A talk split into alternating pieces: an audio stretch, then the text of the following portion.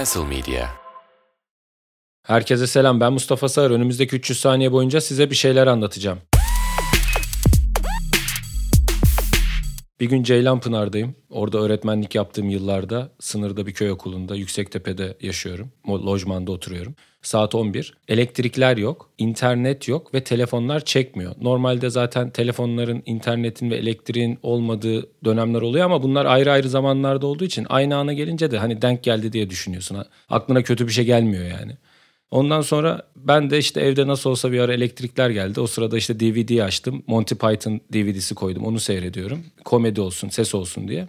Hani böyle ekrana tam bakıyorum. Tam karşımda ekran ama şöyle düşün. Hani bir yere bakarken gözünün ucuyla baktığın yerin yan taraflarını da görürsün ama gördüğünü fark etmezsin ya. Anca orada büyük bir değişim olduğu zaman orada bir şey olduğunu anlarsın. O tarz bir an düşünün. Ben Monty Python seyrediyorum televizyonda. Gözümün sol tarafında da normalde siyah olması gereken yer. Çünkü pencere var orada ve Ceylanpınar Yüksektepe köyü gece karanlık oluyor. Siyah olduğunu biliyorum oranın yani.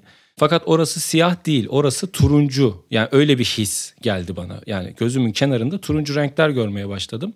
Sonra sol tarafa baktım, cama bir baktım. Ceylanpınar yanıyor yani. Ceylanpınar yanmıyor da karşı taraftan böyle kırmızı alevler yükseliyor, dumanlar, inanılmaz bir görüntü var yani.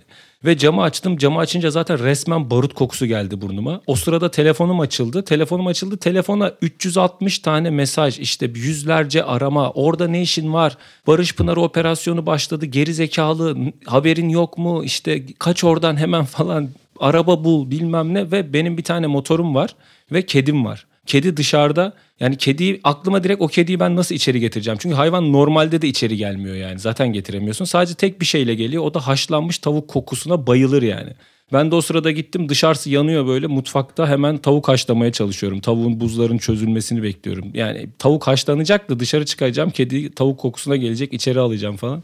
Sonra tavuğu haşladım elimde haşlanmış tavuğun kaynar suyuyla birlikte dışarıda dolaşıyorum falan. En azından elimde böyle kaynar su olması bir yandan kendimi güvende hissettiriyor. Bir düşman falan gelirse yüzüne kaynar su atarım falan gibi anladın mı? Ondan sonra kedi kokuyu aldı geldi içeriye onu kapattım. Ona bir sürü böyle zor ulaşabileceği yerlere kolay ulaşabileceği yerlere dünya kadar mama bıraktım. Banyoda suyu açtım. Yani çünkü kediyi yanıma almak istedim ama nasıl almayayım? Sırt çantasına koymam lazım motorda ve savaştan kaçarken çantanda olmasını isteyeceğin en son şey belki bir kedi olabilir yani anladın mı? Çünkü motor sürmek zaten zor. Bir de ensende böyle tırnaklarını ensene geçirecek falan devamlı diye bağıracak bir hayvan hiç istemedim yani. Motora bindim. Üstüme giyebildiğim bütün kalın şeyleri giydim çünkü gece dışarıda uyuyacağımı düşünüyordum. Sonra motorla böyle 125 kilometre hızla motorun maksimum hızıyla gidiyorum. Bu sefer sağ tarafımda gözümün sağ tarafında aynı turunculuk var.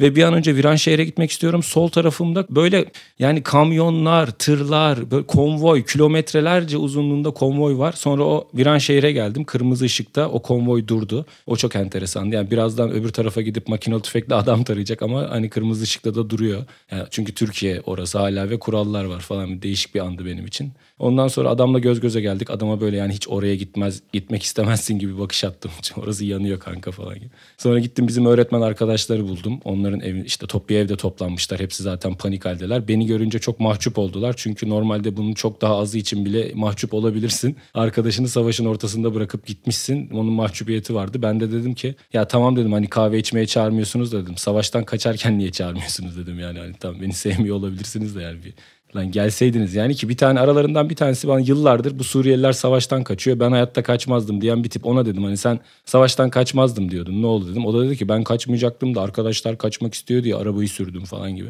Çok güzel bir bahane buldu bana. Çok uzatmak istemedim çünkü sonuçta yani Ceylanpınar'da daha görev süren vardı orada çatışmalar ne kadar daha sürecek. Ya o insanlarla aramı bozmak istemedim. Belki bu mahcubiyetten dolayı hani bir daha savaş çıkarsa bu sefer bana haber verirler diye ben de olsun ya şaka yapıyorum zaten ama saçmalamayın ya ama motor sürmüş olduk kötü mü oldu falan diye ama o sırada ya altıma mı işediğim o ter miydi onu bilmiyorum yani. Onu değiştirecek bir ortam da yoktu. Öyle bir yarım saat bütün içim sırılsıklam oturdum orada. Bir ara çay getirdiler. Çay geldiğinde hayatımda bu kadar lezzetli bir çay içmedim ki kaçak çaydı. Normalde nefret ederim yani çay içmek bile çok güzeldi buradan o yüzden beni dinleyen bütün sevgili dinleyicilerime teşekkür etmek istiyorum çünkü Apple Podcast'te de 7. sıraya oturmuşuz. Çok enteresan komedi klasmanında. Bundan dolayı da hepinizi ayrı ayrı öpüyorum, seviyorum. Bir sonraki bölümde görüşmek üzere. Saygılar, sevgiler.